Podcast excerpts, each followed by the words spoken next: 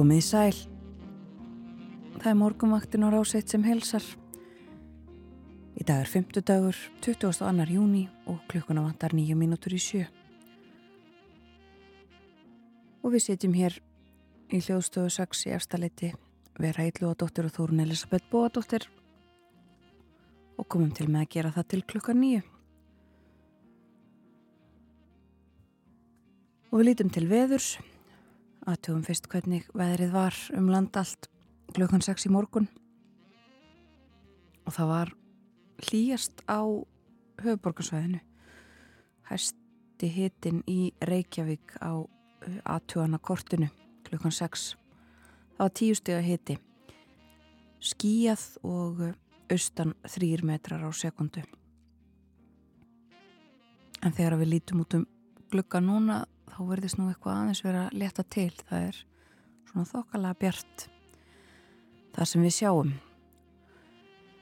Þá er áttastega hitti á Kvanneri 3 metrar á sekundu sjöstega hitti Stikkisólmi allskíjað og austan 3 fimmstega hitti á Patræksferði sjöstega hitti í Bólungavík og Logn. Fimmstega hitti bæði í Littlu Ávík og á Holmavík og Logn á báðum stöðum heiðskýrt og sjöstega hitti á Blöndósi nánast lokn þar. Hittin eins víða um Norðurland sjöstega hitti á Blöndósi og á við Söðanesvita á Akureyri, Húsavík og Reyvorhöfn allstaðar sjöstega hitti og nánast lokn og það var skíjað á Akureyri. Sekstega hitti á Skjaldþingstöðum og sjöstega hitti og skíjað á Eilstöðum þar var líka lokn klukkan 6 í morgun Sjöstega hitti og hægur vindur á höfni hotnafyrði, áttastega hitti á kvískerjum og nýjustega hitti á kirkjubæjaklaustri, tveir metrar á sekundu þar.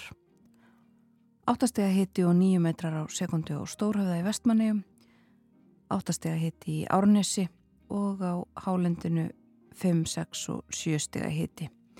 En kaldast á spákortinu var á Holtavörðu heiðinni, þar var tveggjastega hitti klukkan 6. Og veður horfurnar á landinu í dag, það er spáð breytilegri átt 3-10 eh, metrum á sekundum, skíjað og smá skúrir á stöku stað og sumstaðar þokuloft með austurströndinni en víða bjart veður vestan til á landinu. Hiti yfirleitt 12 til 18 stiga deginum, vaksandi suðaustan átt síðdegis og þá þyknar upp suðaustan 8 til 15 metrar á sekundu og rigning sunnanlands í kvöld. Það er verður aðgerðalítið veður í dag í fremur hægri breytilegri átt eh, bætir veðurfræðingur veðurstofu við skíða með köplum og sumstaðar lítilsáttar væta en viða bjart veður vestan til á landinu. Í kvöld kemur svo lægð upp að landinu og það gengur í strekkings suðaustanátt og fer að rigna sunnanlands og svo einnig norðvestan til í nótt en hann hangir að mestu þurra á norðaustur og austurlandi. Eftir hádegi dregur úr úrkomu og hún verður skúrakendari en áfram rigning á Suðausturlandi. Hiti 11 til 16 stegan línar um norðaustanvert landið með hita að 22 stegum á þeim slóðum það er á morgun sem sé. Á laugardaginn er svo útlitt fyrir að næsta lægð nálgist landið með strekkings suðaustanátt og rigningu sunnan og vestan til á landinu. Ymið það. Svona er veðrið í dag og næstu daga. Við eh, förum yfir það sem að verður á dagskrá morgunvaktarinnar hér eftir smá stund en skulum hlusta á eitt lag. Við ætlum að heyra í uppliftingu, lagið Endurfundir.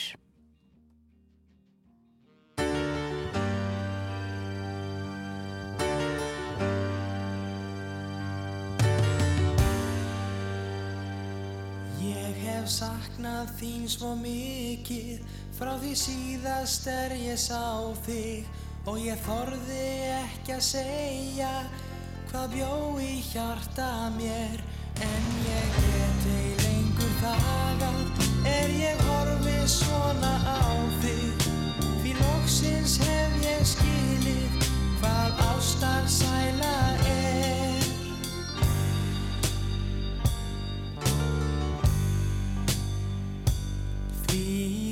Sinn er ég sé þig eins og byrti yfir öllu.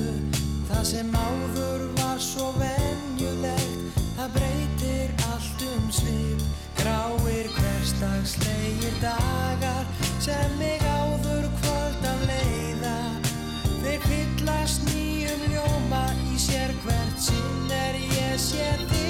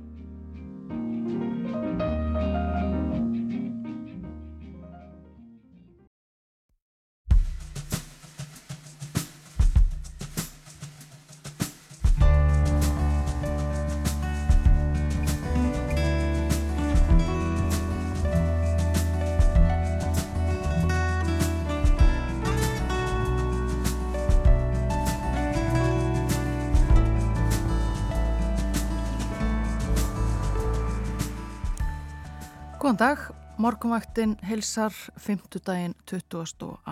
júni. Umsjónamenn þáttanins í dag eru Vera Íllóðadóttir og Þórun Elisabeth Bóðadóttir. Og heimsklukkin er á dagskráni í dagbói Ágússon sest við hann klukkan halv átta. Við förum víða, allar með ræðum verbulgu og efnahagsmál í Evrópu förum svo líka til Indlands og Bangladesh. Og Indlandi ræður ríkjum vinsælasti stjórnmálamæður heims að einhverja mati að mennstakosti.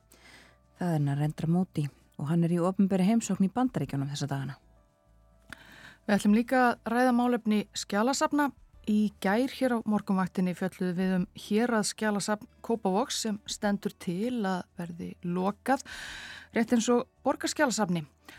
Þjóðskjálasafni Íslands á að taka við skjölum og gögnum þessara safna en tekur þjóðskjálasafn endalust við og hvað er að frétta af húsnæðismálum þjóðskjálasafns?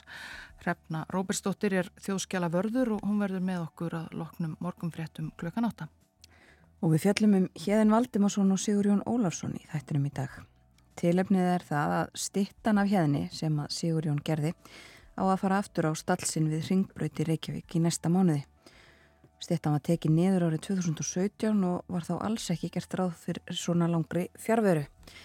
Meirum það í lok þáttarins. Og uh, lítum til veðurs. Aðgerða lítið veður í dag í fremur hægri breytilegri átt er uh, fyrsti satningin í hugleðingum frá veðurfræðingi og veðurstofu Íslands í dag. Það verður skíðað með köplum, sumstaðar lítilsáttar væta en víða bjart veður vestan til á landinu. Og fremur líti veðri hitin yfirleitt 12 til 18 stiga deginu. Í kvöld kemur svo lægð upp að landinu og það gengur í strekkings suðaustanátt og fer að regna sunnanlands og svo einning norðvestan til í nótt en hann hangir að mestu þurra á norðaustur og austurlandi segir. Eftir hátegi dregur úr úrkomu og hún verður skúrakendari en áframregning á Suðusturlandi. Hittin á morgun 11 til 16 stig en hlín er á nýjum norðaustanvertlandið með hitta að 22 stigum á þeim slóðum.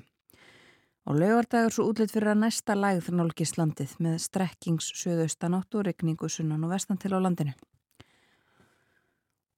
Og uh, sunnudag er gert ráð fyrir uh, svipuðu veðri má segja fremur hægum vindi, regning eða súld hiti 10-15 stig en þurft að kalla og hiti að 20 stigum á norðausturlandi. Það er svo gert ráð fyrir vætu í flestum landslutum á mánudag og þriðjudag en regningu fyrir austan og bjartviðri vestan til á miðvöggudag. Svo við förum nú eins langt og spáinn nær.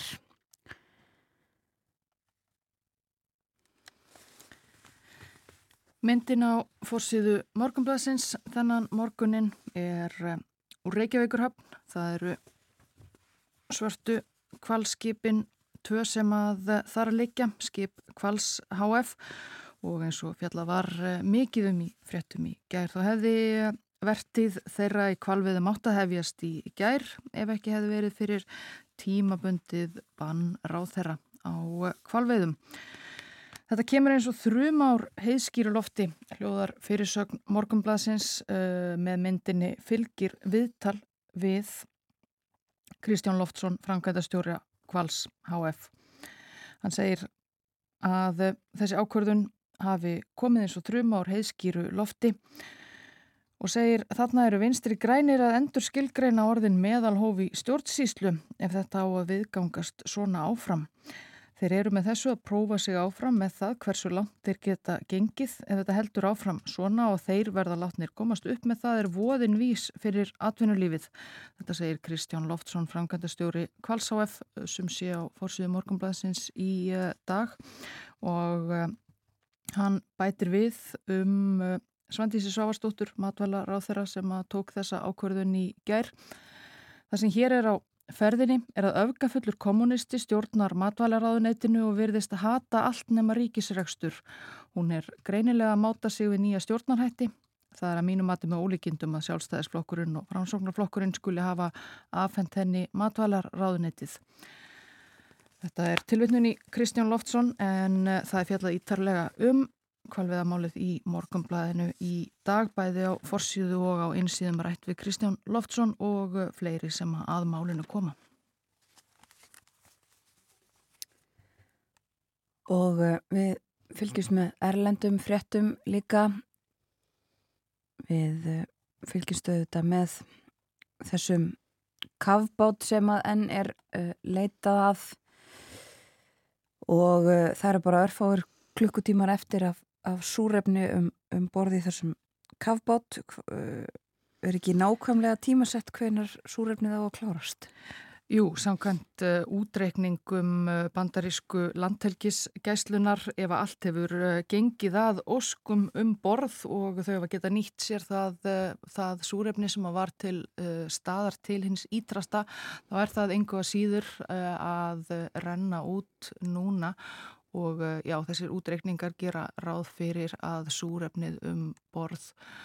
Það þverri átjón mínútur yfir 11 að íslenskum tíma í dag og þá verða líklega einhverjar eh, já, áherslu breytingar á leitinni að eh, þessum kábátt en eh, hún er þó í fullum gangi núna og fjöldi skipa og flugvila og annar fartækja sem að endtaka þátt á þessum já, loka, loka mínutum ef svo máður þið komast.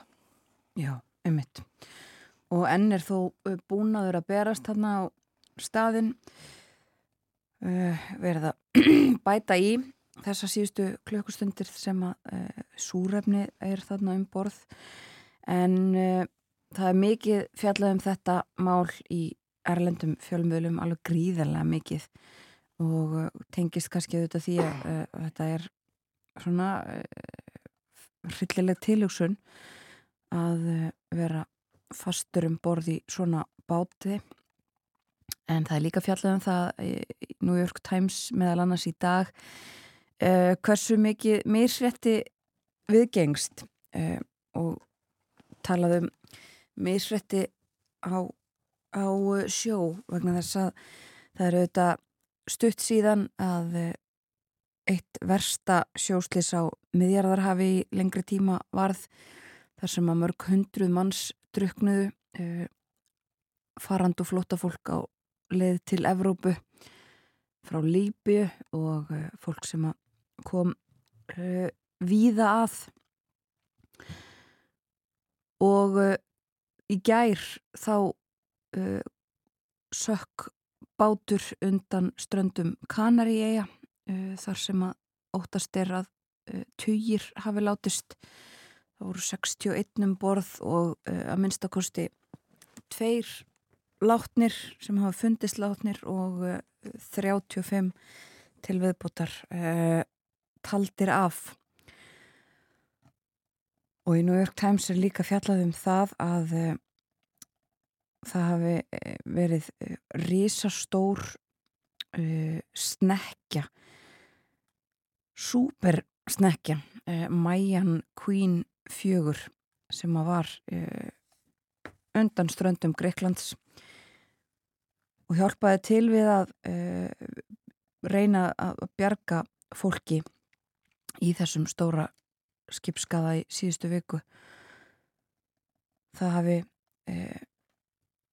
uh, verið við tekið þátt í því eh, fólkum borði þessari risa snekju að bjarga tögum manna. 175 miljóna dollara snekja sem að var þarna e, í, með fólki frí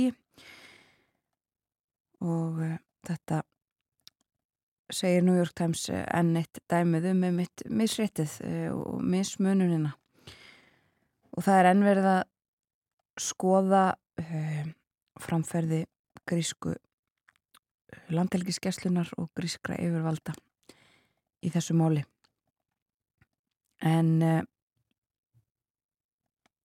Við skulum líta í fleiri erlenda fjölmela eftir smá stund en fáum tónlist. Já og gefnu tilöfni í dag 22. júni er 60 Guðrún Gunnarsdóttir söngkona. Ein af ásælustu söngkonum þjóðarinnar held ég að megi fullir það og við ætlum að hlýða á eh, nokkur lög sem að Guðrún syngur í þættinum í dag og við skulum byrja á því að eh, heyra lag af plötu sem að Guðrún gaf út 2010 þar syngur hún lög sænska vísnaskálsins Cornelis Vresvik í íslenskri þýðingu aðalsteins Ásbergs. Þetta er Vindbarinn Vísa.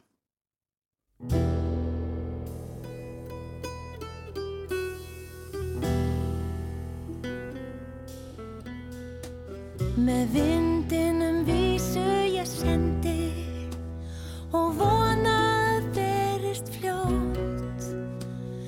Hjá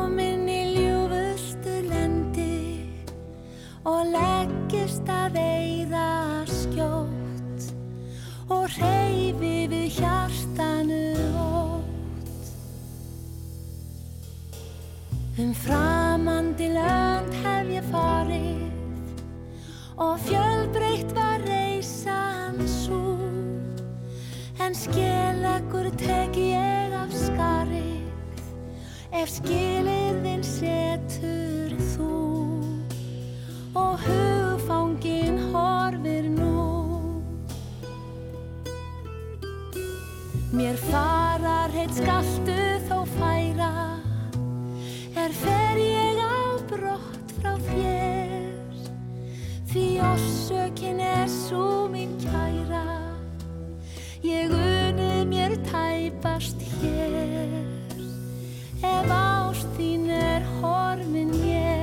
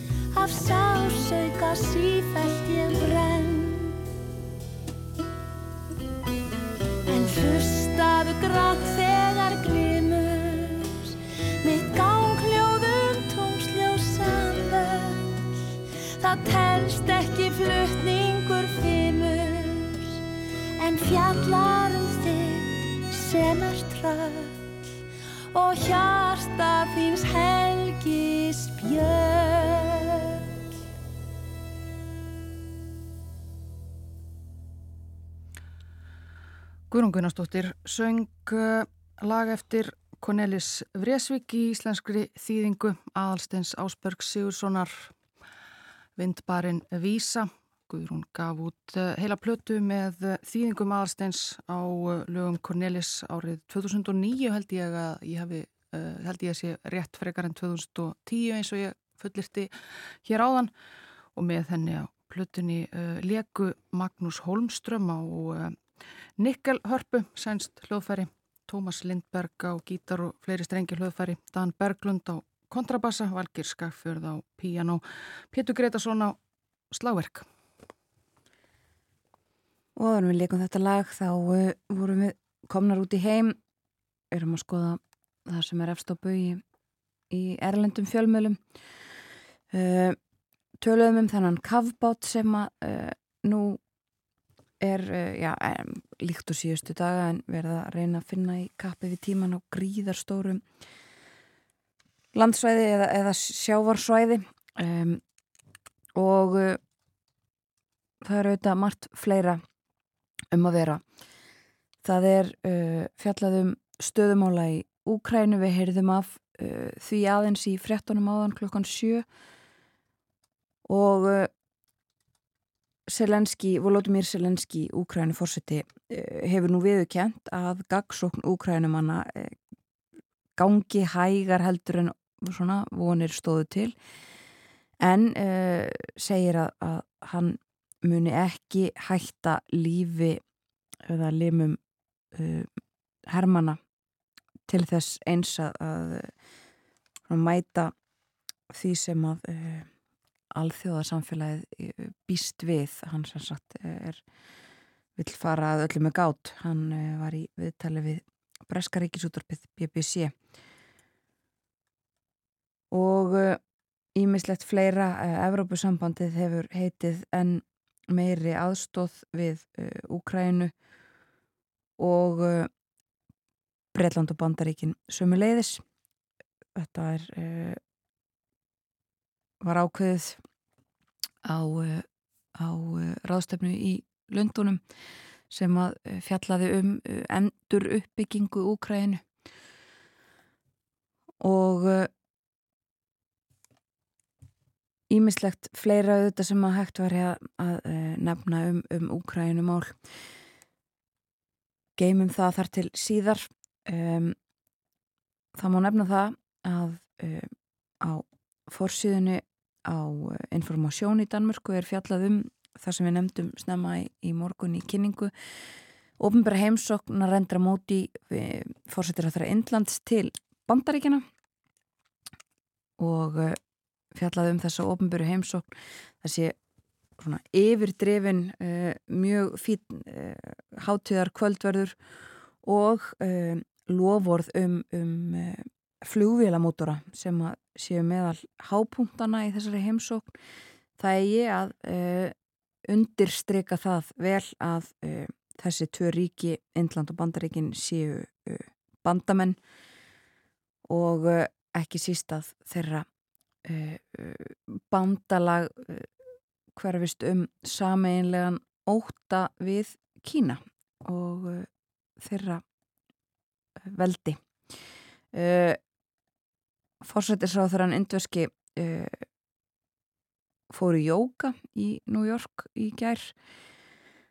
Það var alþjóðlegur dagur jóka uh, og það er vist eitthvað sem að múti sjálfur uh, fekk saminuðu þjóðnar til þess að samþykja að, að, að haldi upp á árlega og var sett uh, heimsmet í gær uh, flest þjóðverðni saman í jókatíma, það voru fólk frá 135 ríkjum. Og þarna voru vist uh, Richard Gere, leikari borgarstjóri New York borgar Erik Adams og ymsir fleiri. En meira um móti á eftir hann verður meðal viðfangsefna í heimsklukkanum þegar Bói Ágússon sest niður með okkur hér eftir eh, tíu myndur eða svo. Og eh, líka til umfyllunar þá verður, eh, verður efnahags ástand viða í Evrópu meðal annars í, í Svíþjóð og þar er fjallaðum eh, þau mál. Í blöðunum í dag eh, Svenska dagblæðet fjallarum eh, erfitt efnahags ástand þar og það að netverslun dróst saman um 12% Eh, á einu mánuði í mæ og það hefur eh, bara aldrei áður sérst en eh, vonast til þess að, að kreppan eða krísan sé e, stutt meirum þetta hér á eftir. Og e, að síðustu í áfórsíðun á dagins nýhettir fjallaðum aðra ofinbæra heimsókn. Úlf Kristersson e, fórsetir á þeirra svíþjóðar hitti Rissi Súnak fórsetir á þeirra Bretlands í gær í dáningstræti myndað uh, þeim og umfyllin á fórsíðunni þar. En við skulum heyra annað lag áður en við hleypum að frettastofunni með frettæfilitt og uh, auglýsingum að þar á undan. Við skulum heyra annað lag með Gurunu Gunnarsdóttur sem er uh, eh, 60 í dag og þetta er úr Jesus Christ Superstar.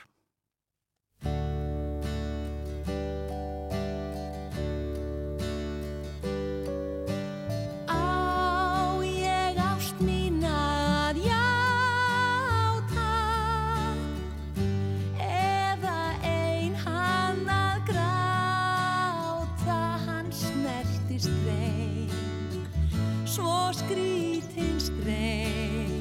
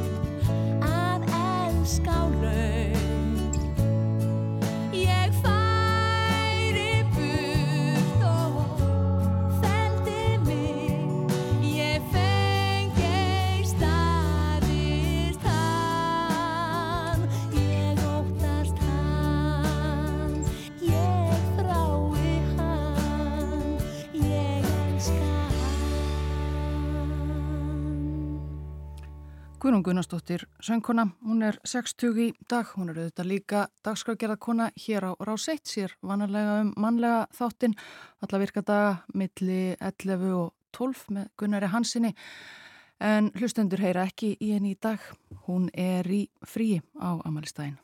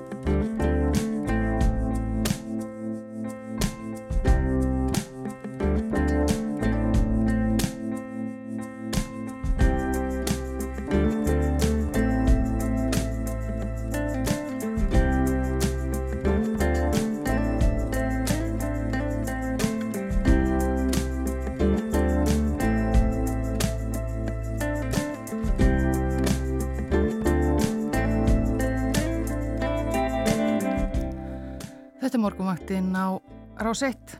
Það er 22. júni, 50 morgun sem að þýðir að Bói Ákusson er komin og sestur við heimsklöggan. Kondur sæl, Bói. Takk fyrir vera og góðan daginn báða tvær.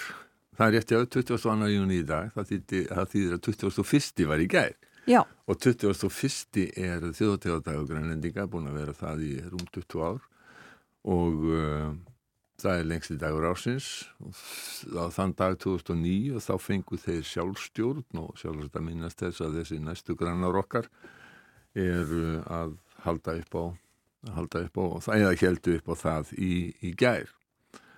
Eh, annars vorum að ræða, hugsaum að ræða kannski mest um efnaðarsmál og, og, og, og breyða svo aðeins út af annan vegna þess að oftast erum við þú veit að Óðin Jónsson hafa sínum tíma nefnt þetta spjall heimsklugan að þá erum við kannski oftar en ekki svona nær okkur heldur en uh, út um allan heim en, en við ætlum að gera svona smá breyting á því og, og líta eins á Suður Asíu svona í setni partinum en skulum byrja í Evrópu svo. já, við ætlum að byrja í Evrópu og byrja á efnaðarsmálum í Evrópu. Já, sko Breski Serabankin ákveður í dag að öllum líkindum hækkun og stýrivöxtum þá er tilkynnt í gær að verðbólka þar væri óbreytt frá því, því í mæ frá því í april 8,7% en víðast hvar annar staðar fer verðbólka lækkandi.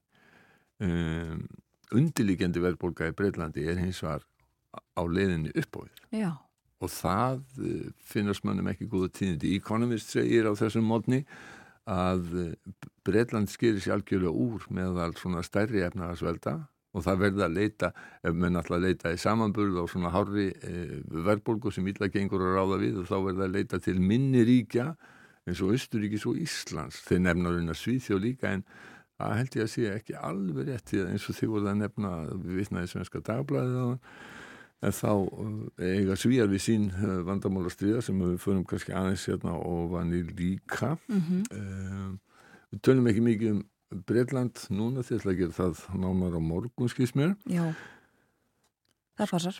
og já, En uh, já, uh, sko hvað samt er það þá sem að uh, er talið skýra það að, að undirleikindi verðbólgan fari vaksandi þar? Sko það er að mörguleiti verðbólgu væntingar eins og nefndar hafa verið hér. Einmitt. það er það að uh, sko uh, það er ekki datunleysið þar. Það er eftirspurn eftir uh, jæna, vinnuafli Uh, og uh, það hefur sko fækkað verulega á vinnumarkaði Breitlandi frá því uh, fyrir uh, heimsfaraldurinn. Og þeir get ekki lengur uh, fengið starfsfólk frá uh, Evrópu eins og þið gerðu og uh, þetta er, hefur lagt mikla pressu á laun í Breitlandi sem hafa hækka umtalsveit meira heldur en að menn gerður ráð fyrir það voru byrstanlega það tölur fyrir, fyrir nokkur dögum Já. og þetta er partur af því og, og Economist segir raunar sko að uh, það séu fáið hluti sem séu framleitir í Breitlandi núna en uh, verðbólgan sé algjörlega heimatilbúin. Þetta það, það er nú kannski ekki mjög, mjög hérna, eftirsóknarverð uh, framleiðsla. Nei, akkurat. en, en, en þeir skrifa nú oft svona dálítið eins og þeir segja in the cheek. Og, og uh, oft með mjög skemmtilega stíl. Já, en við ætlum að, einmitt eins og segir ekki, ekki að dvelja lengi Nei. í Bretland en uh, ef að fara til Já, Svíþjóðar. við Við aðeins, aðeins það. Já, við nefndum það einmitt í morgun upp úr sænsku blöðunum að Mm. Þar væri svona uh, verið að segja þessi krísa verður líklega ekki langvinn. Nei, það er sko um, það sem heitir í Svíþjóð Statens Konjunktur Institut sem að kannski má segja sko, þetta er sjálfstæði ríkistofnun sem annars þjóðhagsrannarsóknur og spáur fyrir um þróun, má kannski kalla þetta bara þjóðhagsstofnun Svíþjóðar mm -hmm. þjóðhagsstofnun var náttúrulega sællar minningar lögðu nýður á Íslandi um, en uh, Samkvæmt því sem þeir spá þá verður hagvöxtur í árið 0,4%. Þannig að þessi samdráttur sem hefur verið eh, verður ekki yfir allt árið og það verður 1,4% eh, hagvöxtur á næsta ári. Næsta ári. Atunuleysi það fer minkandi og það jógst ekkert þó að væri einhver smáis samdráttur á síðustu mánuðum og það er búist við að sænski selabankin hækki vexti lítilega núna en uh, spáin gerir ráð fyrir því að verðbólga haldi áfram að lækka og verði komin undir verðbólgumarkmið á næsta ári og vexti sömu leiðis eins og kom fram í frétt svenska ríkisúttarpinu í hádeginu í gær svo, skulum heyra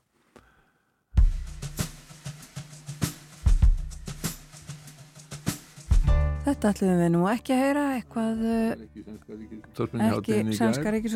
Nei, Við skulum aðeins finna þetta til, augnablik. mm.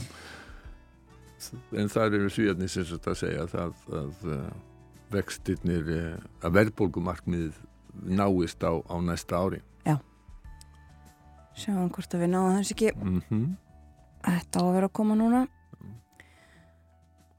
Við, uh, ekki það að það skiptir stóru máli þetta er östuðt klipp úr sænsku frettunum uh, við skulum aðeins finna þetta samt. Já. Við eigum að hafa þetta hér. já, Við uh, setjum þetta á. Inflationen fortsätter att sjunka och redan under det andra halvåret av 2024 ligger den tydligt under Riksbankens inflationsmål. og svo kona sem að er, fer fyrir spátdeildinni þarna hjá sænsku þjóðstofninni Ylva Hetjen Vestedan hún segir að Sælabankin lækki líklega vexti eh, aftur um, eftir svona halvt ár þegar menn þarf að bæði sjá að eftirspurnin fari minkandi og verðbólga hjáðinni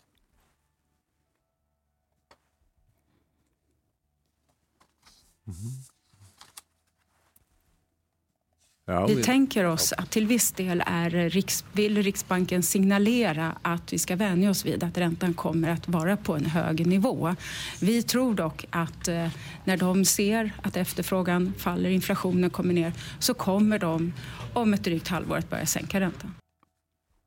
Já, Þannig að svíjar eru þokkalega bjart sínir og um, það eru menn uh, víða þeir, uh, sko það var spáð samdrætti mjög víða og það hefur verið samdráttur, svona freka lítill samdráttur uh, til dæmis í Þískalandi en uh, þar er búist núna við 1,5% hagvegst á næsta ári. Það sem að veldur þjóðurum dálum áhyggjum er að uh, bílaðinaðurinn þar er í verulegri krísu og Volkswagen sem nú stærsti bílaframlegandin tilkynnti í gærum aðgerðir til þess að auka hagnað fyrirtækisins. Um, Volkswagen framleiður auðvitað samnenda bíla uh, og e- en einnig skóta og seat. Um, þar á bæ ætla að menna fækka bílatýpum færi mótel sem að vera framleitt og einfalda framleiðsluferlið og gera það skilvirkara bílaðinnaðin Þísklandi er gríðarlega mikilvægur. Það eru 800.000 þjóðverjar sem að vinna í bílaðinnaðinum og þetta eru náttúrulega mun fleiri sem að vinna í svona störfum sem eru, eru tengt þannig að bílaðinnaðin skiptir gríðarlega miklu máli. Ástæðan fyrir krísunni hjá Þískum er að sala í Kína hefur dreyist saman. Kína er stærsti bílamarkaðar heimsins og Og það má nefna líka að hlutur þíska bíla á heimamarkaði hefur dreyist saman og þar hafa kynverjar aukið sinn hlut. Einnig Tesla og uh, Tesla selur bara eiginlega allt það sem að þeir geta selta það sem hefur haldið aftur á sölinni bara fyrirtæki annar ekki eftirspurn. Uh, framleiðsla hjá Tesla og hjá kynverjunum er miklu hagkvæmari heldur en hjá þískum og evróskum bílaframleiðendum þannig til dæmis hagnast Tesla um 8.000 dólar á hverjum Model 3 bíl sem að þeir, sem að þeir selja. Uh, Volkswagen hagnast bara um 1000 dollara á hverjum ID3 sem er kannski svona sambarileg stærl af rammagsbíl og það gildir raunar um miklu fleiri lönd og eiginlega bara út um alltaf eftirspurn eftir uh, rammagsbílum er umtalsvöld meiri heldur en frambúið Emmi það.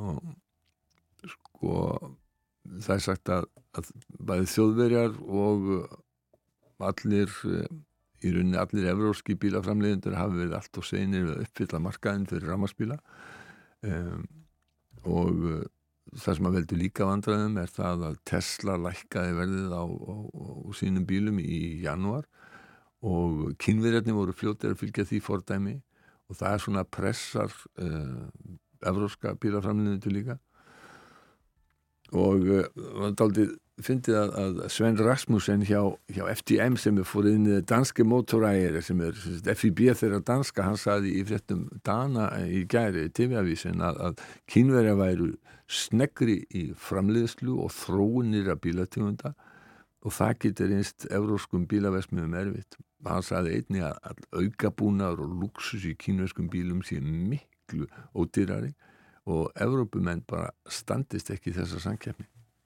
Kinesiske bilproducenter, de har simpelthen en hastighed, både med den måde, de producerer, og den måde, de udvikler nye modeller, at det er jo noget, der i virkeligheden kan slå benene væk under de europæiske bilproducenter. Man får så meget teknologi, som for eksempel de her skærme, den her kørekomfort, massagesæderne, eljusterbare sæder, læder overalt, super musik osv., til en pris, som ingen europæiske bilproducenter kan følge med i. Þannig að svona framtíðin, já það er svona það eru blíkur á lofti en, en Volkswagen vonast til þess að geta snúið þessari öfu þróum við. Já og einmitt það uh, og bílaðinaður eins og hún farið mjög mikilvægur í Þískalandi. Gríðarlega mikilvægur. Já. Uh, eigum við hér í síðari hluta heimsklukans að færa okkur eins og þú nefndir í byrjun uh, færa okkur til Asju við skulum gera það þar er, þið myndist á hann að reynda að móti fórsættisráþara Índlands er í heimsókn í bandaríkjónum og menn ég held að sé gagkvæmur áhugi hjá indunum og bandaríkjamannum að ebla tengslinn bandaríkjum og bandarísku utanríkistefna hún mótast aldrei mikið af því sem að þeir sjá sem sko sinn höfuð keppinaut á 2001. öldinni sem eru kínverjar Þannig að þeir vilja rækta tengsl við svona granna kynverja, ekki síst til þess að koma í vekk fyrir að kynverjar hafi mikil áhrif í þeim löndum og,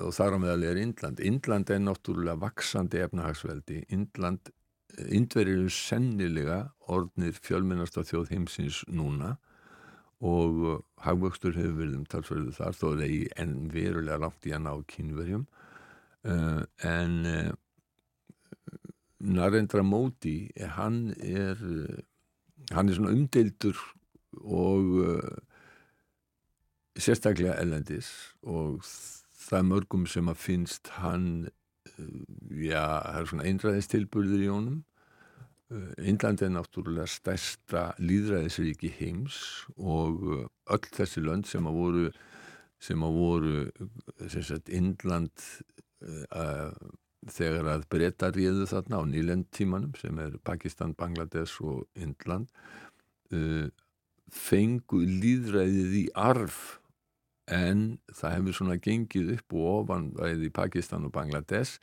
en Indland hefur aldrei verið undir herstjórn eða herfóringar hafa aldrei rentvöldum þar.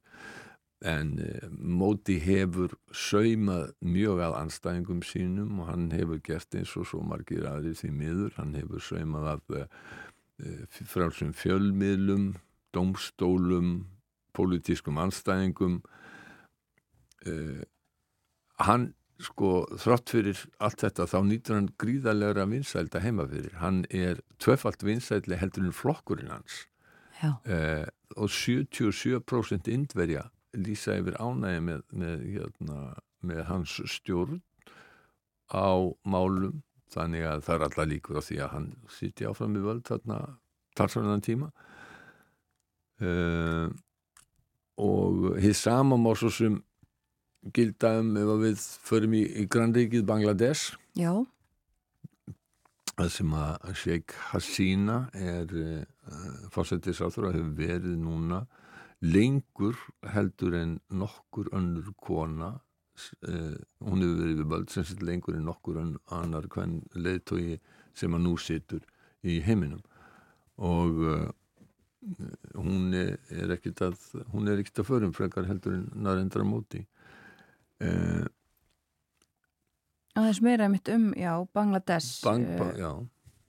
sko já, þetta nágrannar ríki þú þekkir þessa sögu og þetta þessa stöðu já, já. Betur, en, betur en ég og við sko núna er helstu vandamáli í Bangladesh er, er, er, er spilling og frettamæður uh, Economist James Astor sem að átti viðtali við þessi kassínu núna fyrir nokkrum dögum. Hann segir að uh, þetta land sé spiltasta uh, ríki í Suður Asíu nema hugsanlega Afganistan. Uh, líðræði á undir hakkasækið þarna.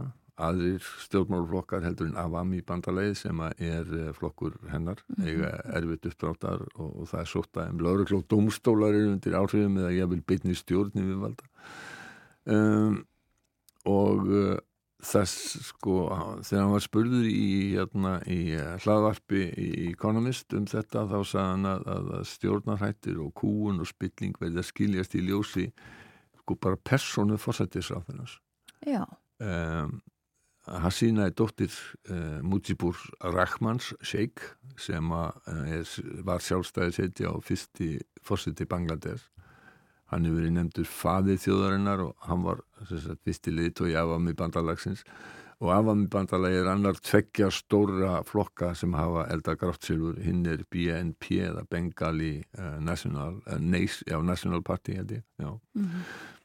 uh, Mujibur Rahman var myrktur 1975 fjórum árum eftir að Bangladesh var til í valdaráns tilraun hersins nánast öll fjölskylda hans var myrt sömulegis, Hassína var ellendi svo slapp sko.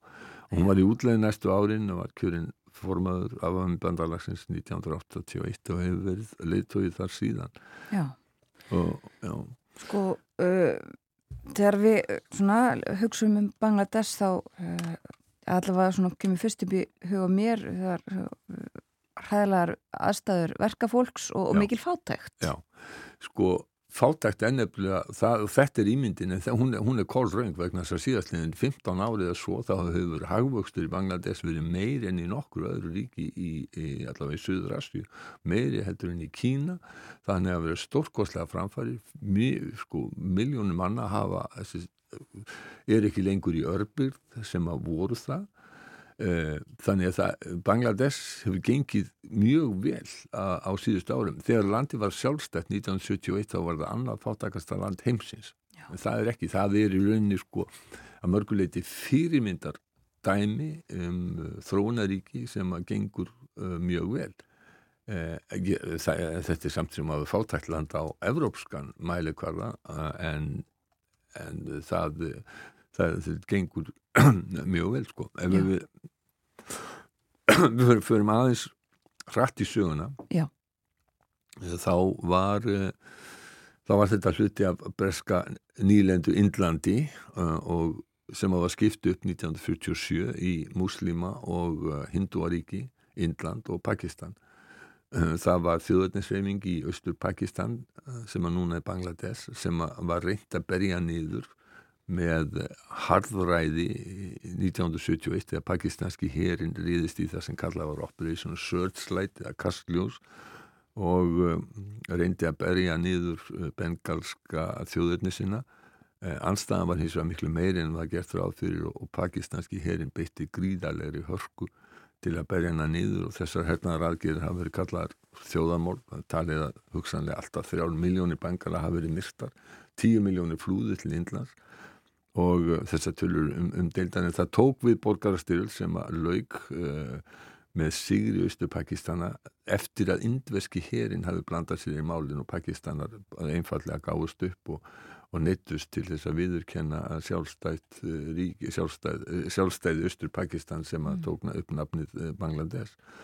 Og uh, það búið þarna tæmlega 170 miljónir manna landi er ekki miklu stærri heldur en Ísland það er 150.000 ferrkilometra Ísland er umlega 100.000 svo þetta er eitt allra þéttbíljasta land í heiminum. Já. en þarna á þessum tíma þegar, þegar að það varð sjálfstætt að þá var neyðin óskapleg. Hungursneið og, og flottamannavandi og einn af svona vínum Indlands á Vesturlöndum, George Harrison, bítillinn, hann og Ravi Shankar, indveskur vinnur hans sítarleikari, þeir emdu til tvendra tónleika sama dag, finnst ágúst 1971 til að sapna fjö fyrir fórnalömb í, í, í Bangladesh. Tónleikarnir voru í Madison Square Garden í New York. 40.000 mann sem að koma þetta eru svona fyrstu stóru góðgerða tónleikarnir og kannski að sumuleiti fyrirmynd fyrir Live Aid rúmum áratug síðan Já. og þarna var mikið af stórum og flottum listamönnum. Þarna var Ingo Starr, Bob Dylan Eri Clapton, Billy Preston og, og fleiri. Um, og uh, þetta var gefið út á þremur breyðskífum og svo gerði mynduð þetta. Og uh, George Harrison samt þetta lag sem við skulum enda þetta á sem heitir Bangladesh Takk fyrir í dag Bói Ákusson Takk Sadness in his eyes told me that he wanted help before his country died.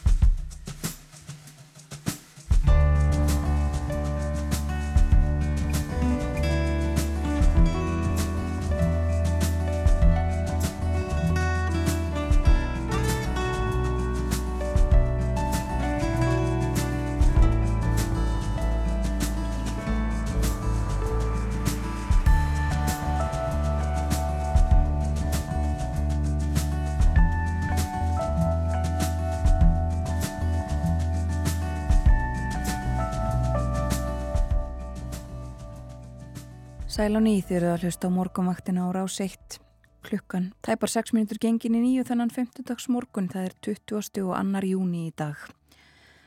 Og fyrir fréttinnar satt hjá okkur Bói Ágússon, hann settist við heimsklukkan. Við rættum ímislegt, efnahagsmál í Evrópu til umfyllunar og uh, staðamála í svona nokkrum ríkjum. Fórum aðeins yfir Svíþjóð og Þískaland bílaðinaðurinn í Þískalandi á undir höggasækja og það skiptir töluverðu máli þar í landi. Og svo fórum við líka lengra. Við rættum aðeins um Indland fórsættisráþarann þar nærendra móti sem er reyndar eh, í bandaríkjónum þessa dagana eh, fundar með Joe Biden bandaríkjafórsætta og fjölda annara eh, eins og við nefndum í morgun var hann í jóka í New York í gerð líka. Og uh, við rættum líka um Bangladesh. Stöðumála þar uh, mikill uppgangur í því ríki síðustu 15 árin eða svo og einhverju leiti fyrirmynd fyrir önnur ríki þar á svæðinu þó að uh, líklega myndi engin öfunda ríkið af, af stöðu líðræðis eða, eða stjórnmála en eh, en eh, ágættis uppgangur á ymsum sviðum og minnum á það hér á eftir þá ætlum við að fjalla eins um Hjeðin Valdimarsson og, og verkamannabústæðina og Sigurjón Ólafsson myndtökvara. Tilefnið er það að uh, það heilir loks undir það að stittan af Hjeðinni fari á sinn stað uh, við Ringbrönd í Reykjavík hún var fjarlagð þaðan fyrir sex árum og þá var nú bara gert ráð fyrir því að það erði einhverjir nokkri mánuður sem að hún erði í geimslu og færi svo aftur á sinn stað en ímislegt sem hefur tafið, tafið það í mörg ár en nú sem sagt loksins lítur út fyrir að, að það gerist í júli næstkomandi. En meirum það á eftir og nú að öðru. Já, við rákum augun í áhugaverða umfjöllun í morgumblæðinu í gær um þjóðskjálasafn. Uh, þetta er grafík og uh, þar kemur fram að heildarsafnkostur pappirskjala þjóðskjálasafnsins í lokásins 2022 hafi verið uh, um það byl 47.000 hillumetrar eða 47 hillukílometrar. Safnið hafi tekið við 1266 hillumetrum í fyrra sem er áhæð við 14 Hallgrímskirkjur og síðan er um, sá samanburður hér 47 kílometrar öll ef uh, öll pappirskjöl þjóðskjálasapsins er því staplað upp í einum stapla og til samanburðar þá uh, náði Starship Elon Musk mest 39 kílometra hæð þann 20. apríl síðastliðin þegar því var skotið á loft eh, áhugaverður samanburður þar en við ætlum að fjalla aðeins áfram um þjóðskjálasafnið og hingaði komin Hrefna Róbersdóttir, þjóðskjálavörður, verður velkomin á morgunvaktina, Hrefna. Takk hella fyrir. Já, þessi, uh, þessar tölur þær eru úr áskýslu þjóðskjálasafnins Já. sem að er þá nýjútkomin. Já. Og kannski ekki, ekki vanalegt að hún veki mikla aðtikli en það er mikið talað um málefni skjálasafnaði í þjóðfélaginu í dag og hefur verið síðustu miseri. Já, vissulega og það er, það skjálasöfn bara öll munu svona fagna því að fólk gerir sig grein fyrir mikilvægi þessara starfsemi sem að öll skjálasöfn þjóðarinnar sinna því að í rauninni er verkefni allra skjálasafna, bæði þjóðskjálasafns og héraskjálasafna að sinna bæði stjórnsýslugögnum og engaskjölum og hérna tryggja í rauninni bæði minni Íslands, réttindi borgarana og hag stjórnsýslunar því að, að það er á skjálasöfnum sem að gögn eru veitt, nei varveitt til lengri tíma og þess að elstu gögnin hjá okkur eru frá 12. öld og, síðan nýjustu gögnin eru bara nýleg rafræn kerfi sem eru úr stjórnsýslunni og hérna og það er ekki kannski tilviljun að þegar að stríðsátök eru til dæmis eins og núna í Ukrænu að þá er verið að ráðast gegn skælasöfnum og ég hérna Eh, átti nýlega kostaði þess að ræða við þjóðskjálaverið Ukrænu og þann daginn hafði einmitt verið ráðist á eitt af skjálasöfnum hans eða sem heyrðu undir ríkiskjálasöfnið en, hérna, en það hafði engungu byggingarna skadast þann daginn sko. En þetta er í rauninni um, þetta ofnbjörn skjálasöfn þau varveita réttindi íbúana og þegar á reynir og þá eru þau þar og eh, já, veistu, til þess hafa verið, hefur hann eh, hafa verið gripið til sérstaklega aðgerða þá í Ukrænu til þess að vernda, til þess að vernda skjöl og skjálsöp? Já, þeir hafa sem sagt komið upp afritum af nýri gögnum Erlendis og síðan hafa þeir hafið stórfælda stafræna endugerð meðal annars, já þannig að það er það svona sem þeir hafa verið að gera núna og síðan náttúrulega bara verja byggingarnar þar sem þeir eru en en, en þetta er en þetta er ekki eina dæmið, þetta er náttúrulega mjög víða á stríshrjáðum stöðum sem að, að svona aðstæður koma upp Er þjóðskjálasafn Ísland með einhvers konar uh, áætlun eða, eða áform ef að kemur til átaka eða hamfara? Sko það eru, sem sagt, í tegslu ríkislauglustjóra eru, eru, sem sagt, og almannavarnir eru ákvæmur áætlunir. En, Uh, við, það hefur verið rætt aldrei mikið um uh, húsnæði þjóðskjálasafn svona uh, af og til síðustu árin talað um að þetta, þetta húsnæði sem að skjálasafnið er í núna döi ekki til þetta er þetta gífilegt magn af skjölum eins og við fórum yfir hérna áðan hvernig standa þau mál? Árið 2019 þá hófst húsnæðisgreining sem sagt á svona framtíða þörfum um þjóðskjálasaps því að hérna meðal annars í samhengi við þessar svona stafrænu breytingar sem er að verða þannig að það er um,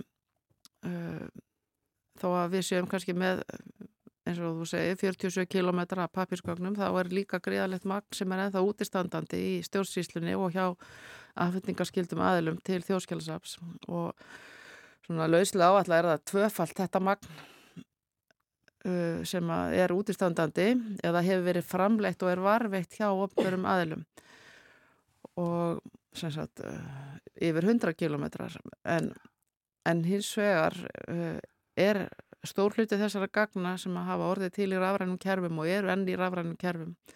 Og þar að leiðandi eru við að endur skoða í rauninni alla okkar aðstæður til þess að taka við hraðar rafrænum gagnum og gagnasöfnum þannig að þetta magn mun ekki allt koma til sapsins og eins er það það að, að gögg sem vera til í rafrænu samhengi það þarf að, skoða það í rafrænu samhengi þau tapa hlut af sínum hérna, upplýsingagildi með því að og það er alls ekki allt útprentanlegt og það er ekki verið að prenta út þjóskrá Íslands heldur er hún varveitt með ákveðnum hætti í þversniði Já, en eru þið enna að fá mikið af pappirsgögnum?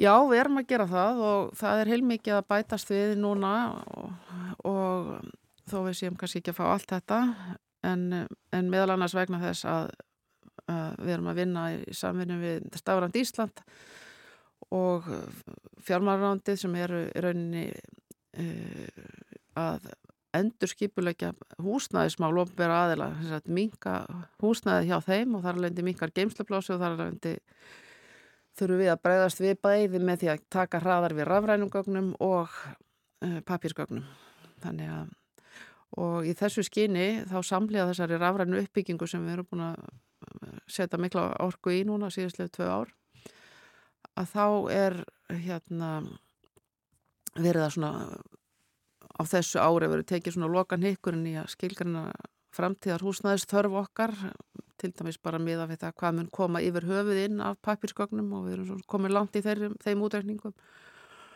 og uh, eins hvar við verðum staðsett hmm. Það er hlýtur að vera gríðalegu munur á að eh, já, varðveita stafræn gögn og síðan að þurfa líka að passa upp á uh, skjöl frá tóltuöld Já, já Það, það er ekki hægt að gera hvað sem er. Það, nei, nei, það er ansið breytt bíl og, og það er svona ákveðin hluti sápkosti sem að þarf ákveðinar varfislu aðstæður. Við erum með skinskjöl og við erum með eldri pappirskjöl, við erum með uh, svona, þessi svona, uh, hvað heitir þetta, afrita pappir frá 20 stöld sem er ekki mjög endingagóður, þess að bara úr stjórnsýslinu, afrit brefa sem var velritað á í tvíriti. Og, og þannig að það eru og svo sem sagt mikilvæg gögn út frá hérna, persónuvernd eða, eða aðgengis takmarkunum þannig að þessi þessi hluti sapkossin þarf allur mjög svona, kannski sikkorar aðstöðunar en síðan er náttúrulega stór hluti sem eru papirskjöl 20. og 21. aldarna sem að það er kannski bara stabilt umhverfi af ákveðinu tægi þannig að Það verður eitthvað verið nefnt uh, hvort að þjóðskjálasafni eigi ekki heima uh, hjá húsi uh, íslenskunar og landsmókasafni. Já, það er eitt af því sem var svona uh, sett fram í þessari húsnæðisgreiningu og, og menningamálar á þeirra hefur svona talað fyrir þeirri leið og, og þá uh, ef að svo leið verður farin að þá verður og kannski hvort sem er að þá erum við að tala um að að varfisluhús verði á svona stórt varfisluhús verði á einum stað og síðan verði svona ákveðin hluti sákostins þessi sem að þarf uh, sérstaka sérstakari aðstæður og meira notaður og þarf hann verði svona tengtur höfustöðunum. Hvernig líst ykkur á þjóðskalsamni á, á þær hugmyndir?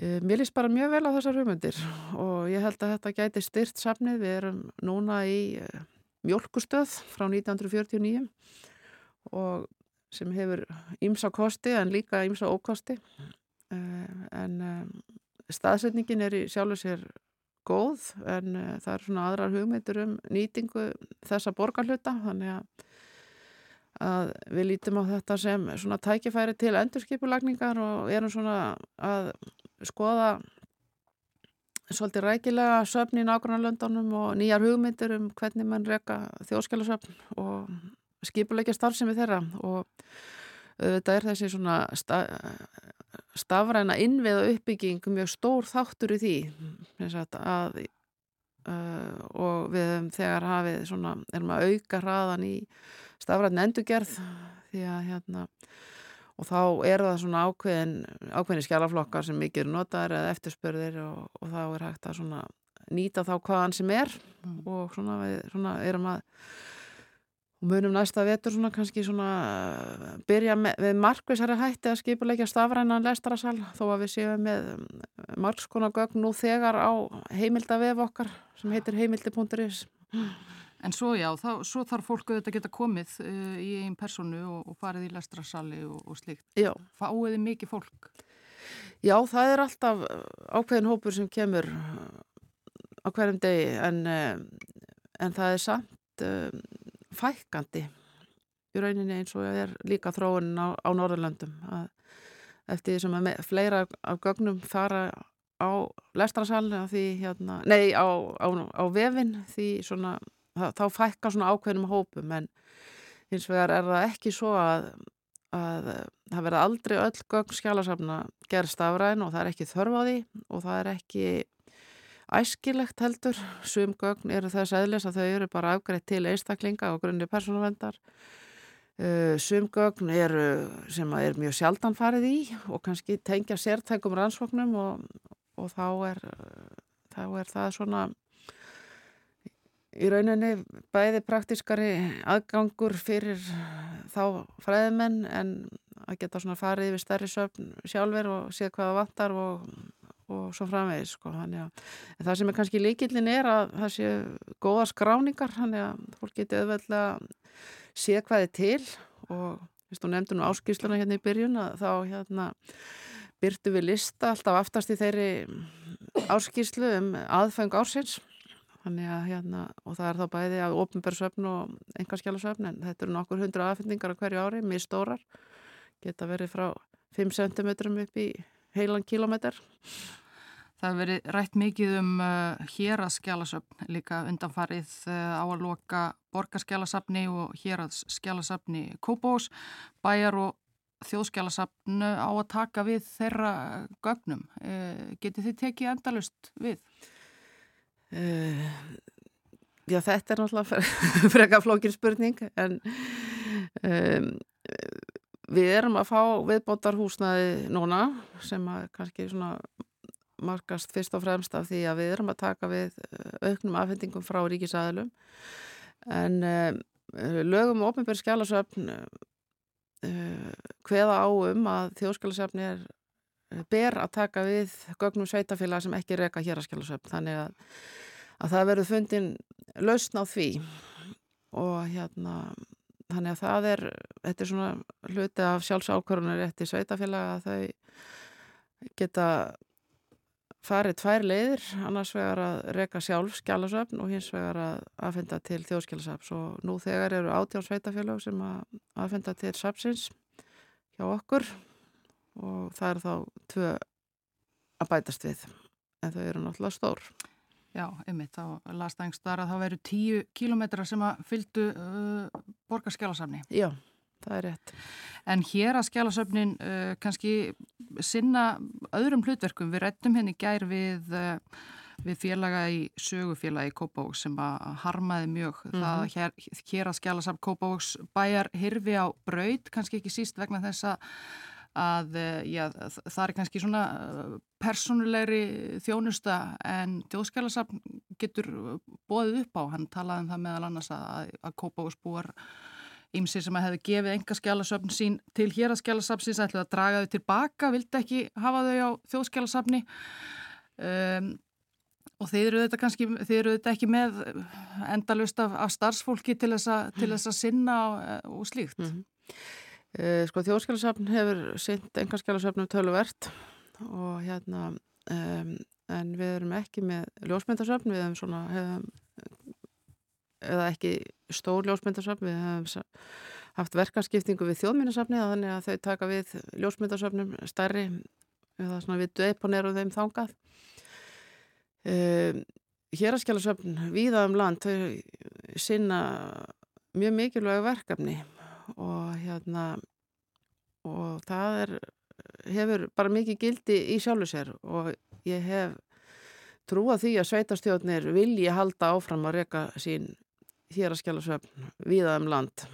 Og, en um, og hvert skjálasafn kannski hefur kannski sína verkhætti svona hvar þær leggja sína áherslur en uh, í grunnina þá eru gilda sömu lög um öll þessi skjálasöfn, bæði þjóðskjálasöfn og héraskjálasöfn, þar að segja. Þeim ber að safna og varveita og hafa eftirlit með ofnbjörnum skjálasöfnum og þau mega taka við enga skjálasöfnum og þannig að það er uh, bara mjög mikilvægt verkefni. Og uh, þjóðskjálasöfni er falið í lögum og ofnbjörnskjálasöfn að hafa svona ákveðna samhæfingu eða standa fyrir því að það sé samvinna milli safna um enga skjálasöfn og að þeim hópi koma fleiri heldur en ofinbjörnskjálasöfn, það eru líka handreitarsöfn við, það eru handreitarsöfn á bókasöfnum, það eru engarskjálasöfn á byggðarsöfnum og allt þetta starf skiptir gríðarlega miklu máli. Þannig að það er ekki þannig að þjóðskjálasöfn endilega keppist um að fá öll skjölinn til sín, það er allra hagur að hafa söfnin sem flest. Ég myndi segja það og hérna uh, og það er þar sem að eru hér að skjála söfn og ég nefnt þetta áður í þessari umræðu að þar hefur varveisla eldri gagna til dæmis úr héröðum og svæðum uh, verið betri en það sem að enginn eru starfandi. En hins vegar tengist kannski svona söfnun, sérstaklega kannski á fyrir stegum, þar, hún tengist ofta einstaklingum sem hafa sínt þessu málefni áhuga. og en um, að maður kannski segja síðan kannski á síðustu 20-30 árum að þá hefur svona stjórnsýslu verkefnum uh, þjóðskjálasaps og ofnbæraskjálasafna eða áherslan að þau aukist og það er gríðarlega mikilvægt og sérstaklega í þessum stafræna heimi að það sé vel hugaða tilurð skjala og þessu skipulega frá fyrsta degi. Það er í rauninni auðveldara að taka papírskjöl sem eru í mörgum pókum og finna út hvernig þau eiga að vera ef þau hafa lett í óriðu en rafrangögn er mjög erfiðar að eiga við á þeim á þann hátt og, og það er bara mjög mikilvægt fyrir réttindi íbúana og reikjanleika ákvarðana að það sé í lægi frá upphafi. Við komumst ekki lengra, látum þetta vera loka orðin. Þakka að kærlega fyrir komin á morgunvaktina Hrefna Róbertsdóttir, þjóðskjálavörður. Takk fyrir.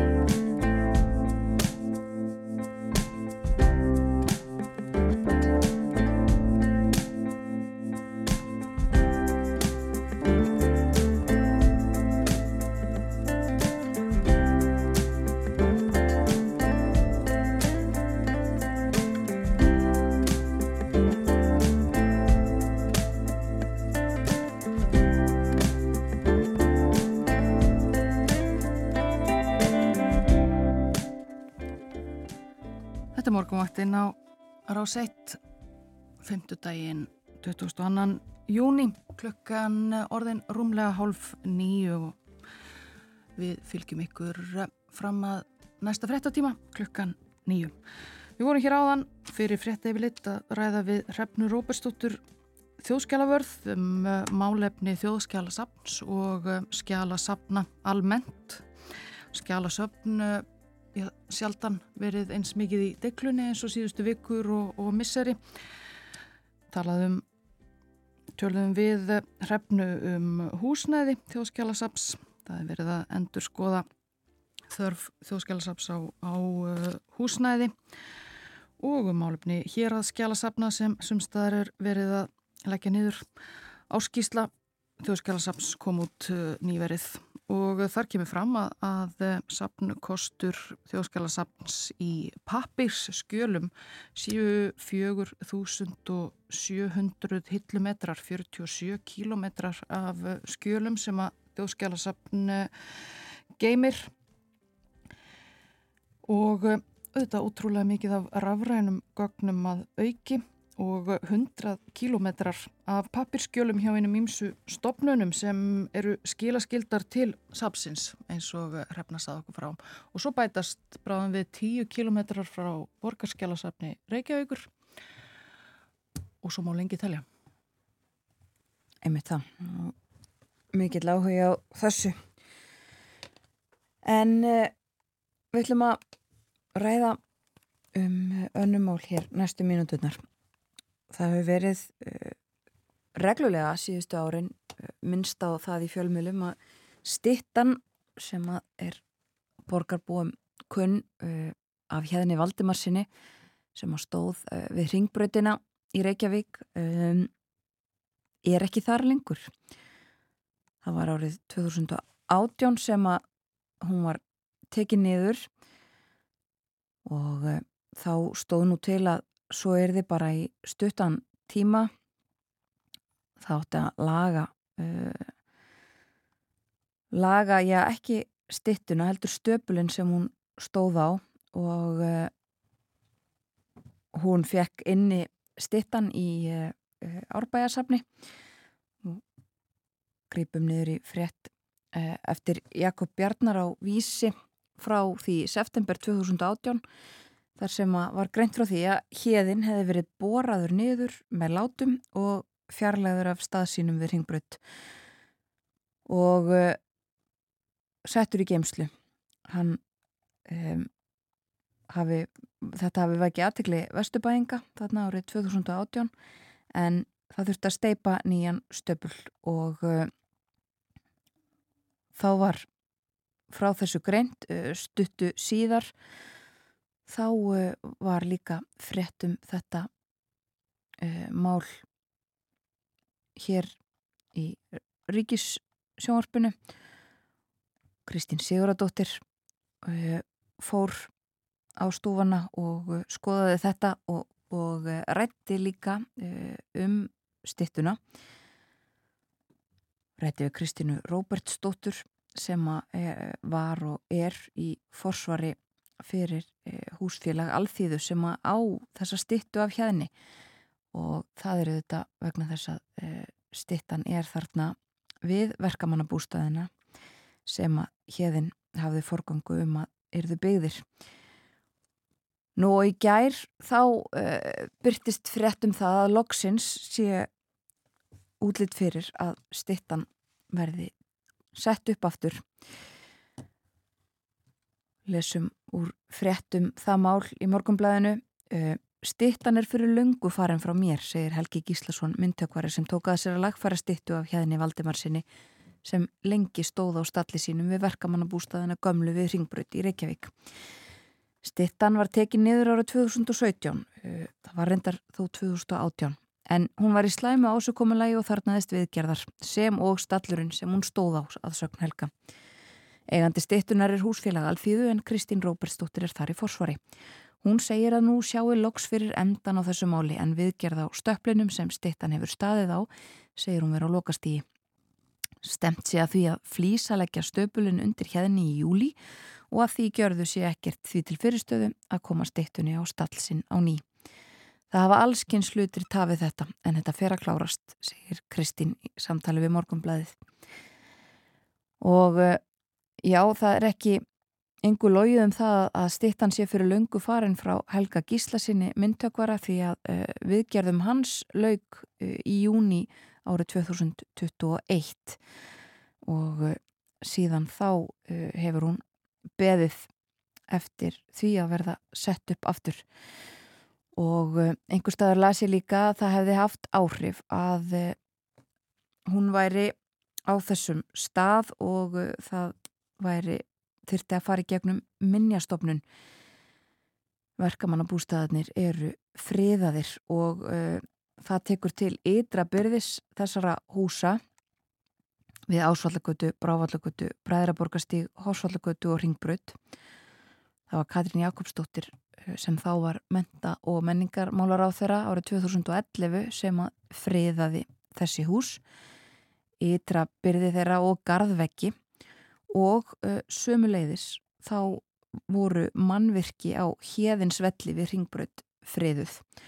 Og uh, það náði til ytrabyrðis leikvallarskílis sem þarna er og gardveggja umhverfis leikvallin leikvallurinn þarna sem að uh, hérðin stendur fyrir framann stittan af honum.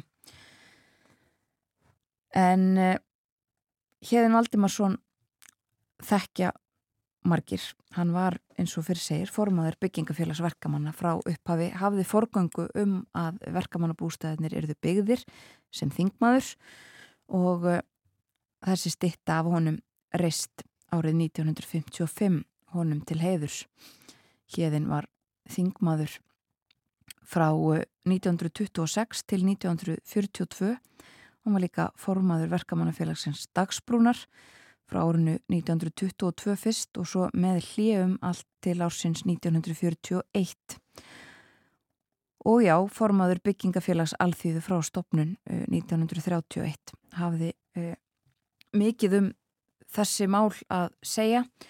Við ætlum að grýpa niður líka hér í uh, grein úr uh, tímaréttinu sögu um félagslegar íbúðir og fagurfræðilega sín, þetta er eftir Gunnar Sveinbjörn Óskarsson sem að vittnar meðal annars í hérðin þegar hann flutti frumvarp um verkamannabústaði í kaupstöðum. Það var í februar 1929 og hérðin hóf ræðu sína á að segja þetta. Það er óhætt að fullir það að það er fátt hægt að gera verkamannum meira til hagspúta heldur en að hjálpa þeim að eignast gott og ódýrt húsneði. Sú stefna er nú að hjálpa sveitabændum með að rækta jörðina og byggja bæina upp, en hliðstætt því er að hjálpa verkamönnum í kaupstöðum til að eignast hæfileg húsakinni. Og þótt húsakinnin séu víða léleg til sveita, þá eru þó ímist þau húsakinni, sérstaklega kjallara og þakarbergin sem verkafólk í kaupstöðum verður að notast við, bæði fullornir og börn mjög léleg og ef tryggja skal nokkur veginn hilsu kynsluðurinnar er nöðsynlegt að bætt sé úr þessu. Og uh, með þessu áteki þá var stemt að styrkja verkafólk til húsnæðiskaupa sem að það annars væri ekki fært um. Það var uh, ímislegt gert til þess að koma þessu á lakirnar. Laugin um verkamannabústaði tóku gildi 14. júni 1929 og á grundvelli þeirra var byggingafélagið stopnað. Og það byggði verkamannabústaðina við Ringbrödd. Það voru 172 íbúðir byggðar í þremur áfengum á árunum 1931 til 37. Og uh, hérðin sem fyrir sér hafði forgöngum þetta, svo var ákveðið að uh, stittan af honum yrði reist og Sigur Jón Ólafsson myndtökvari fenginn til þess verks. Stittan stóð þarna uh, um langa tíð, þanga til hún var tekið niður 2018 eins og fyrir segir. Við ætlum að heyra aðeins, uh, ég nefndi það hér í byrjun að uh, stittan er vel þekkt á sér sinn sess. Við ætlum að grýpa niður í um, gamlan þátt af djöblægjunni sem var menningarþáttur í Ríkisjónvarpinu. Þetta er frá árinu 2014 og þarna er það Kristrún Heiða Haugstóttir sem að segir frá uppáhaldslistaverkinu sínu og það er þessi stitta heyrum aðeins í þessu. Uppáhalds útilistaverki mitt er stitta sem að stendur hérna við ringbrutuna í Reykjavík. Sumir kallan mannin sem sendir SMS en þeir sem að skoða stittuna betur sjá að þetta er eftirmynd af Hjeðni Valdimarsinni, verkefliðshetju og alþingismanni. Stittan var reist í Vesturbænum vegna þess að Hjeðin var aðal kvatamæðurinn að því að verkamannabústæðinni hérna í kring voru reistir og byggingafélagi Alþýðu síndi honum fann sóma að reisa honum stittuna hér um, miða síðustu öld. En þetta er svolítið undarlist stitta, hún er bæðið á óverlegum stað. Hann snýr rassinum hérna í róluvöllin og horfir út á ringbreytina yfir sagt, aðal umferðaræð bæjarins og það er kannski fáir sem að njóta þess að, að heimsækja þessa stittu. Svolítið mikil trafík hérna. En þessi stitta kemur mér alltaf til þess að brosa og við þykjum væntum hana vegna þess að hún er svolítið klúðursleg eiginlega. Hann er svolítið úr hlutföllum, elsku kallinn og, og ég veit ekki alveg hvað höfundinum, myndtakurinn Sigur Jón Ólafsson, sem sagt, var ráðinn til þess að gera stittuna og hann ákvaði eitthvað svona ofurlegt stilbræð að hann sýnir ekki allan líkamann, heldur klippir hann af hérna eiginlega við hnið og það er svo, heti hann sé að brjótast út úr efninu eða eitthvað en, en hún nýtir sín kannski ekki alveg til fulls og hann er svolítið þippin og opinmyndur, hann er bara óvinnilegar að sjá. Ég sé ljósmyndir af hérna og þetta var myndarmadur og kannski gerist þetta núna ekki, um, já, ekki, ekki mikinn sóma en hér stendur hann og hann er búinn að standa hér í, rúmlega 50 ár og mun ábyggilega horfa yfir hringbreytina um ókána tíð. En þegar ég lappa hérna framjá veldi ég alltaf fyrir mér hverjum hann væri að senda SMS og hvað stæði í því. Þetta var Kristrún Heiða Haugstóttir um, sem var fenginn til þess að segja frá uppáhalds útilistaverkinu sínu í þættinum djöblæginu árið 2014. Hún nefndi þarna sumir segðu uh, þetta afsakið, þetta stittuna af uh, manninum að senda SMS og það er uh, eitthvað sem var líka notað í auglýsingu þar sem að stittan af hérni kom við sögu.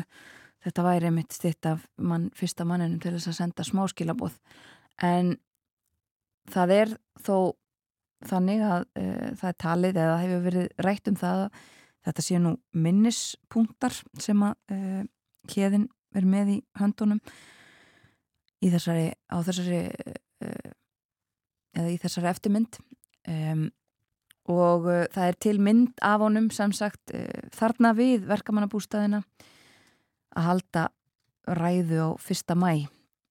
Það var gert þarna á þessum slóðum á þeim tíma.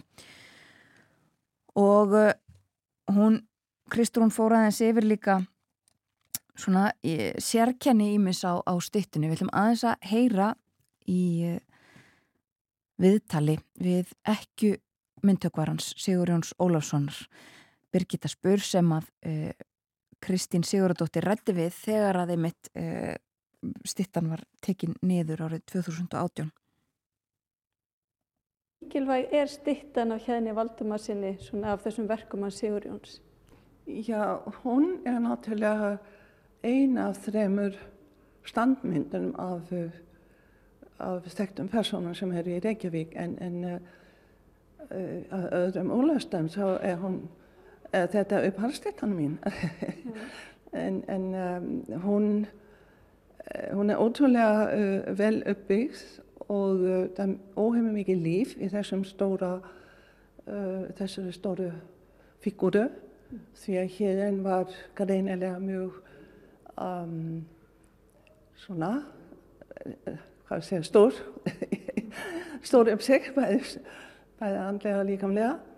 Og um, og síðan gerði myndina af honum látnum eftir ljósmyndum. En það, þess vegna er það ótrúlegt hvað, hvað hennu komið uh, flási mikið líf í, í stittuna og það er, ef maður horfa á uh, hvernig komposisjónin er, að það er þessi uh, hreyfing uh, annars verður með hvernig hann heldar á, á handríti sem hann er að lesa upp úr, hann er handaræðu og hallar sér aðeins til, til vinsti en, en það er svo vegar upp á móti því að síðan hún læta vindin flex, uh, taka í flakkalafinn þannig að það er eitthvað rosalega falleg hreyfing í, í stittunni og það sem enginn hefur skilið eða hefur farið fyrir bjóstega fólk ef hann ekki séð fætverðna á manninum. Og það, það er náttúrulega um, allt með ráði gert.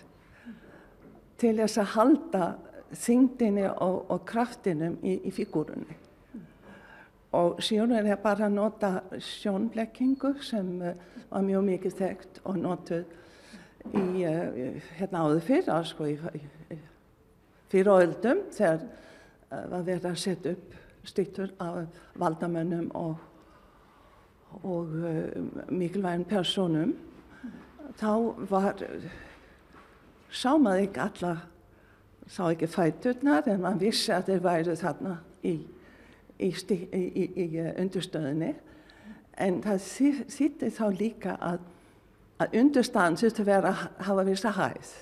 Það þurfti að koma upp í ákveðina hæð. Og það er það sem vandar við uppsendinguna á, og hefur vandar við uppsendingu á hérni og uh, það er ás, uh, skýring á þessu síðan var ekki á landinu þegar stýttan var reist í 1955 en hann, það tröflaði hann alla tíðs að það vandaði svona halvan metur í hæðinni og við erum náttúrulega mjög ánægð með að, að núna loksins uh, verðum möguleika á að hækka stöfulinn þannig að hér fæ, uh, kemur í rétt sjónátt fyrir þá sem eru áferð um guttuna. Hann mun standa herra? Hann kemur til að standa herra, já. Hvar hérna vann Sigurjón þessa stýttu? Hann uh, gerði hann út í Danmörku. Gerði, hann fekk verkefni í 1952 og það til samningur millir hans og byggingafélag Hallstuðu 52 og um, hann gerði tvær lilla uh, skissur altså í tveimur stærðum. Ég held að svo stærsta hafi verið kringum 50 cm eitthvað stóð þess að hann fór með þessa tilur til Danmörkur og ástæðan fyrir því að hann, hann uh, vildi gera myndirna þar var meðal annars til að spara kostnæðin bæði við að fá gifsteipara til að steipa myndina hér og, uh, og því að myndin þurfti að það þurfti að steipa hann í Danmörku í brons. Að þá sparaðist þáttið mikið bæði flutning og gifsmynd og kostum við að fá gifsteipara hinga til hansins. Mm. Og um, mynda var svo stift hjá, hjá bronsastöðbari sem hér Láris Rasmussen og sem síðan skipti við og hefði gert í mörg ár. Mm. Þetta var um stittuna af hérni Valdimarsinni við ringbröðina sem að fer nú senn aftur á sinn stað og mun eins og við herðum standa hæra eins og listamæðurinn Sigurjón Ólafsson ætlaðist alltaf til. Og ef ekkert kemur upp á þá ætti stittana byrtast innan tíðar aftur við ringbröytina. Við förum að segja að þetta er gott af morgunvaktin í dag. Við höfum setið hér frá því snemma í morgun uh, vera Ílúadóttir og Þórun Elisabeth Bóadóttir. Komum til með að gera það aftur í fyrramálið og uh, þá stefnum við á því að ræða eins um bresk stjórnmál meðal annars. En við ætlum að ljúka þessu á lægi. Já, við ætlum að heyra þriðja lægið með Guðrúnu Gunnarsdóttur söngkonu. Hún á 60 amal í dag heyrðum hann að syngja uh, fyrr í morgun og uh, við skulum ljúka þættinum á lífsbók Bergþóru Árnadóttur. Guðrún Gunnarsdóttir syngur.